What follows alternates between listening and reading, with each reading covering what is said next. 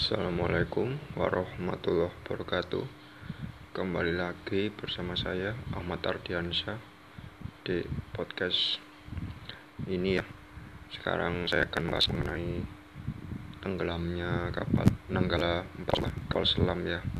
Ya saya sebelumnya mengucapkan Turut berduka cita atas gugurnya para para prajurit angkatan laut Indonesia di dalam kapal Nanggala 402 di di Selat Bali di Pulau Bali ya Bali Utara tepatnya pada kedalaman 838 meter ya. Ini adalah satu tragedi yang ya sangat disayangkan kalau bagi saya karena ya seharusnya bisa menghindarinya jika memang manajemen kita bagus ya. Cuma di sini saya akan coba membahas dari beberapa sudut pandang yang berbeda.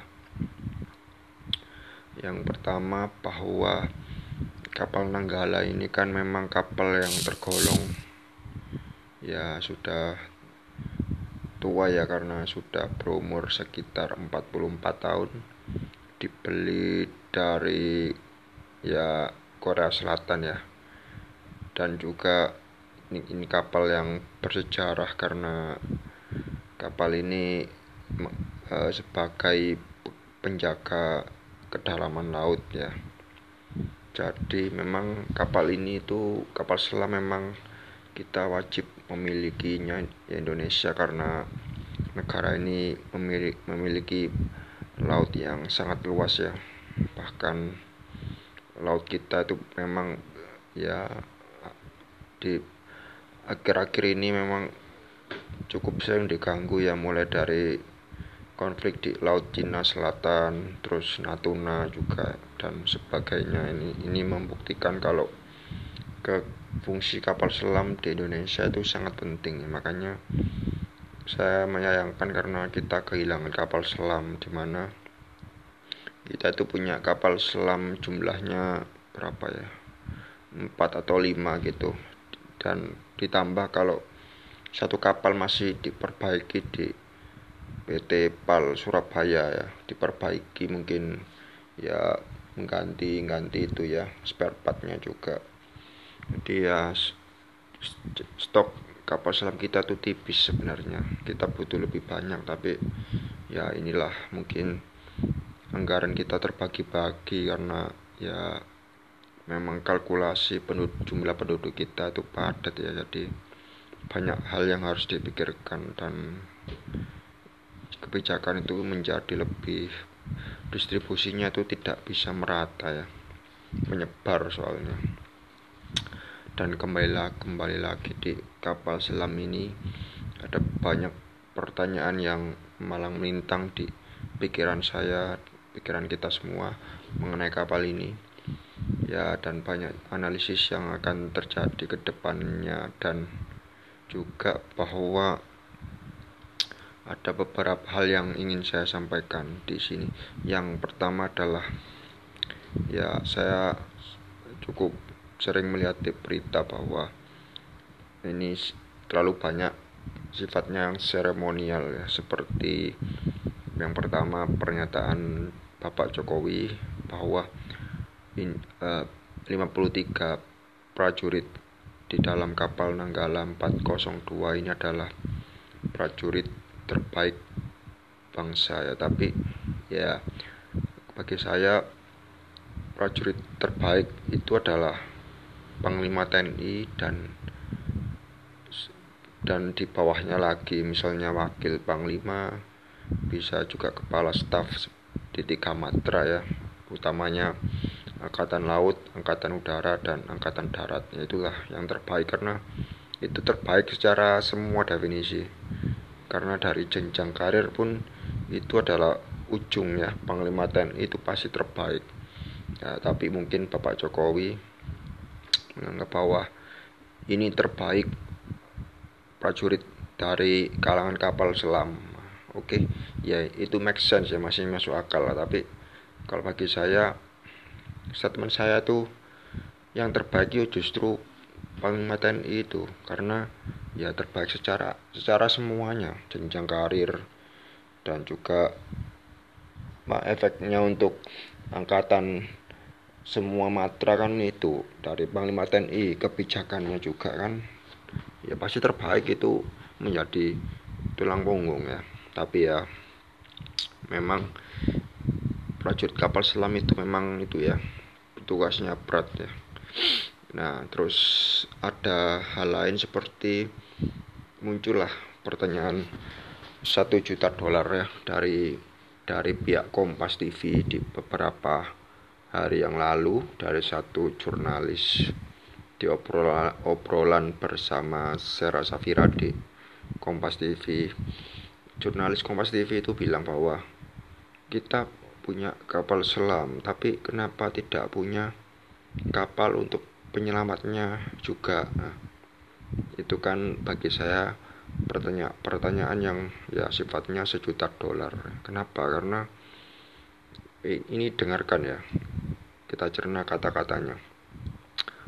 Tadi pertanyaan pertanyaan dari jurnalis televisi Kompas TV itu kan bilang kita punya kapal selam satu terus yang kedua tapi kenapa kita tidak punya kapal penyelamatnya juga loh dua nah kan ya kan kita punya kapal tapi punya kapal selam tapi tidak memiliki kapal penyelamatnya kan?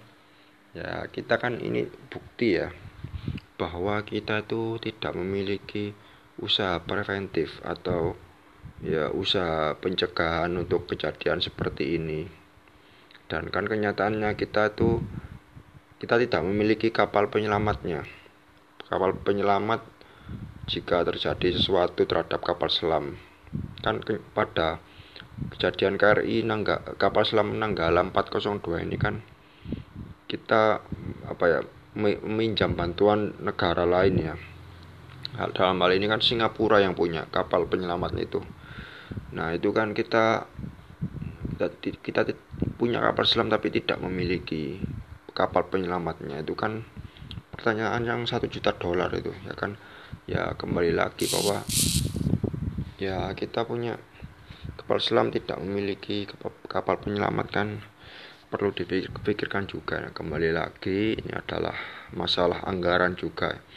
Bahwa konsekuensi padat penduduk itu pasti ada banyak masalah juga. Ya seperti India. Lihat ya India tuh covidnya sekarang naik ya.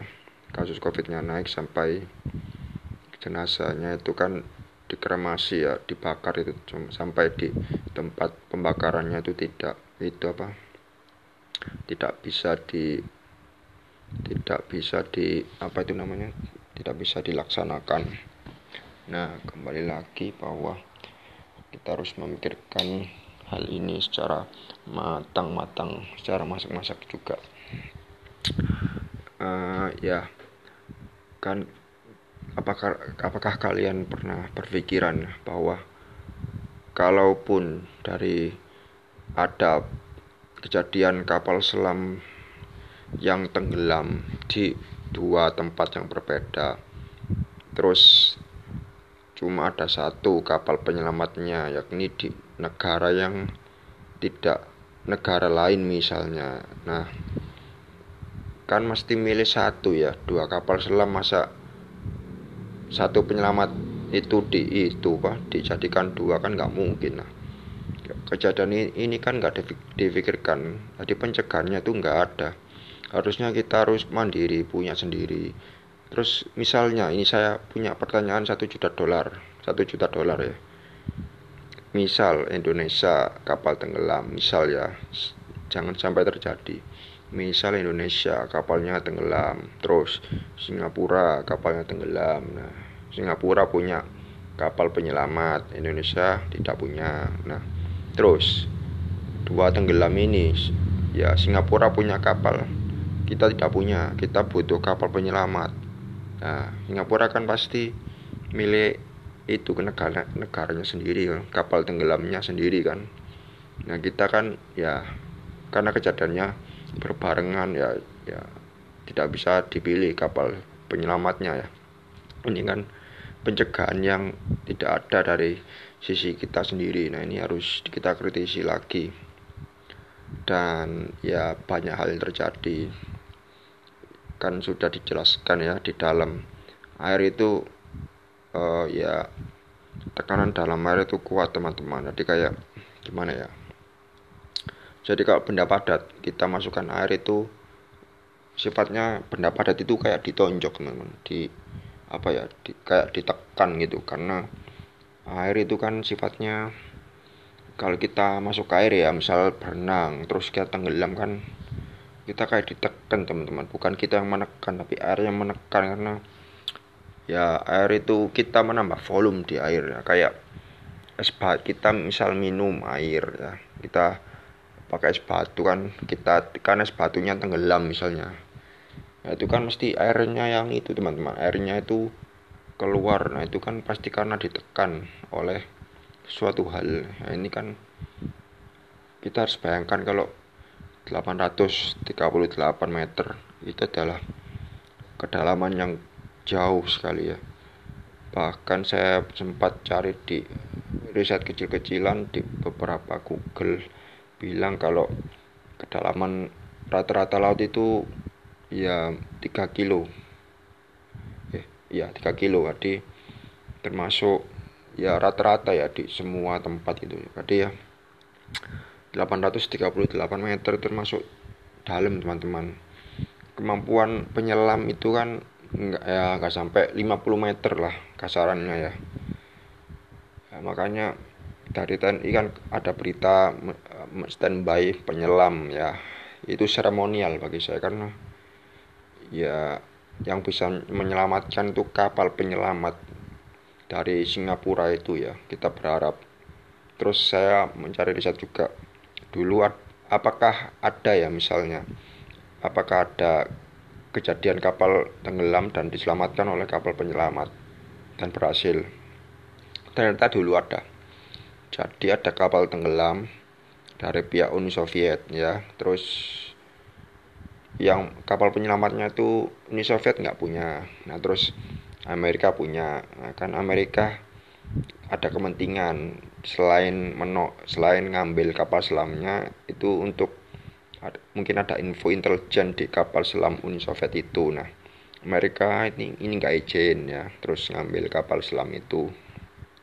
Dan ternyata berhasil teman-teman diangkat. Cuma iya hukum alam lagi. Karena kapal selam itu berat ditambah ditambah tekanan air ya makin berat udah. Jadi mereka nggak dapat semua dapat pecahnya aja mungkin. Ya kalau kapal pecah tiga bagian mungkin mereka cuma bisa ngangkat satu bagiannya aja. Tapi ya bisa teman-teman. Ya kalau nggak salah nama kapalnya itu kurs kurs ya.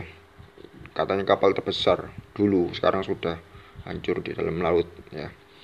Ya bisa teman ternyata bisa teman-teman. Ya, jadi kita harus optimis bahwa kapal ini masih bisa diangkat dan uh, para para prajurit TNI angkatan laut dari Nanggala ini bisa kita kita ambil itu apa jasadnya. Tadi pulangkan ke keluarganya. Jadi ya ada pertanyaan yang cukup unik-unik ya. Misal kenapa kok ketika kita ketika tahu tenggelam tidak keluar tidak menyelamatkan diri ya? Ya gimana teman-teman? Menyelamatkan diri itu lihat kondisi. Misal kalau pesawat jatuh menyelamatkan dirinya mungkin keluar ada pelampung ya bisa. Itu bisa terjadi kalau ada maksudnya kalau ada terjun payung ada ada kayak parasut nah pelampung lah. Ketika ada parasut pesawat mau jatuh bisa. Cuma kapal selam agak beda teman-teman. Kan logikanya kalau kapal selam di dalam laut ya tenggelam nih tenggelam. Terus kita buka itu apa pintu atas ya di kalau kapal selam kan pintunya dari atas ya. Kita buka ya pastinya airnya masuk. Air masuk dan kita kayak kayak kebanjiran teman-teman. Kayak kebanjiran pastinya. Karena sifat air tuh pasti menekan ya. Jadi ketika kita buka pintu ya sebelum kita keluar kita sudah kemasukan air. Cepat airnya kalau saya menurut saya. Jadi yang ngapain kita buka malah tenggelam semua. Kita nggak ya pada waktu itu kan pemikiran harus cepat dengan waktu. Mereka ya mungkin tahu mungkin tahu dan tidak tahu apakah ini termasuk tenggelamnya sudah dalam itu nggak tahu. Terus saya juga riset di Google bahwa ternyata kalau kedalaman 800 meteran itu ternyata sudah gelap nggak ada cahaya di dalam itu nggak ada cahaya. Wah jadi serem sekali teman-teman. Tidak ada cahaya di antara ada dan tiada di sana itu. Terus saya saya sempat itu ya berpikiran mungkin mereka selamat mungkin masih ada harapan. Cuma kalau syarat-syaratnya kalau mereka masih ada di dalam kapal selam. Cuma yang jadi kelemahan analisis saya ini itu itu kapal selam pasti ada kayak baut mur di mana ada sambung-sambungan. Logikanya kayak sepeda motor teman-teman. Pasti ada kayak bahan-bahan yang nggak jadi satu ya kayak casing sepeda motor itu loh kan ya kayak ya masa casingnya sepeda motor kan bisa jadi beberapa bagian ya. Misal kita copot depan kan lampu ada sendiri disambung sama kayak baut-baut. Terus kayak jok sepeda itu ada sendiri-sendiri terpisah-pisah gitu kan casingnya kayak gitu. Kapal juga gitu. Jadi ya pasti ada kesambungannya itu yang jadi titik lemah pasti ya ya minimal pasti ada itu. Kayak rembesan air masuk itu pasti ada karena sifat air ya menekan itu pasti menekan ke benda apa pun. Makanya kalau lihat koral atau batu laut itu pasti terkikis ya karena sifatnya kayak air kan kalau ke benda padat kan itu me, me apa ya me, mengambil itunya mengambil material benda padat. Jadi kayak malah kayak itu kayak ke, kayak erosi gitu ya. Kayak kekurangan kayak semakin berkurang material benda padat itu. Nah sama ke KRI Nanggala ini ya ya kalau menurut saya itu ya itu teman-teman bocor itu ada. Dan kalau menurut saya ya sekali bocor bocornya tahu besar pastinya jadi jangan berharap bocor kayak bocor apa kayak bocor atap rumah. Saat mungkin di tempat satu di tempat sebelahnya nggak ada tempat lain ada. Kalau di dalam kapal selam itu pasti bocor satu ya yaitu dari situ melebar. Ada kayak ketimpa itu ketimpa katakanlah genteng kita ketimpa mungkin ketimpa pesawat jatuh ya kayak gitu sama. Jadi besar sekali kekuatannya. Jadi bocor sedikit itu sudah menjadi bocor yang sangat itu ya mengguncang di kapal selam itu. Terus ya mereka bisa selamat kalau di dalam kapal selam kalau syaratnya kalau nggak kemasukan air nah itu kayaknya sulit. Karena di kedalaman 800 meter. Itu sudah tekan airnya sudah itu. Bahkan bagi saya minimal kalau selamat itu mereka ke keadaannya udah pingsan. Ya pasti itu karena ya gimana ya tro, ya trauma juga karena oksigen menipis dan menipis dan saya riset juga di Google kalau semakin dalam air itu ternyata nitrogennya semakin tinggi oksigennya menipis. Nah ini kebalikan kalau kita sehari-hari di udara di kalau ya kita aktivitas sehari-hari ya jalan-jalan gitu. Ya oksigen nitrogen itu masih normal. Kalau dalam laut sudah nitrogen yang ngambil ya nitro, nitrogen yang nah ini akan bahaya karena oksi, kita butuh oksigen malah nitrogennya yang banyak. Nah, ini ya saya berharap para 53 prajurit keluarganya yang ditinggalkan tabah dan menerima ini sebagai takdir Allah. Allah mungkin memiliki pasti pasti pasti memiliki jalan yang lain untuk keluarga prajurit para prajurit Nanggala yang ditinggalkan. Saya berharap tidak ada kejadian lagi karena satu kita kapal selamnya sedikit sementara laut banyak. Yang kedua ini nyawa tidak bisa dibeli dengan apa pun. Terus yang ketiga adalah bahwa ya kapal ini kita butuh sekali kejujuran anggaran tidak boleh dikorupsi juga. Dan sekian dari saya. Assalamualaikum warahmatullahi wabarakatuh. Semoga bermanfaat bermanfaat untuk kita semua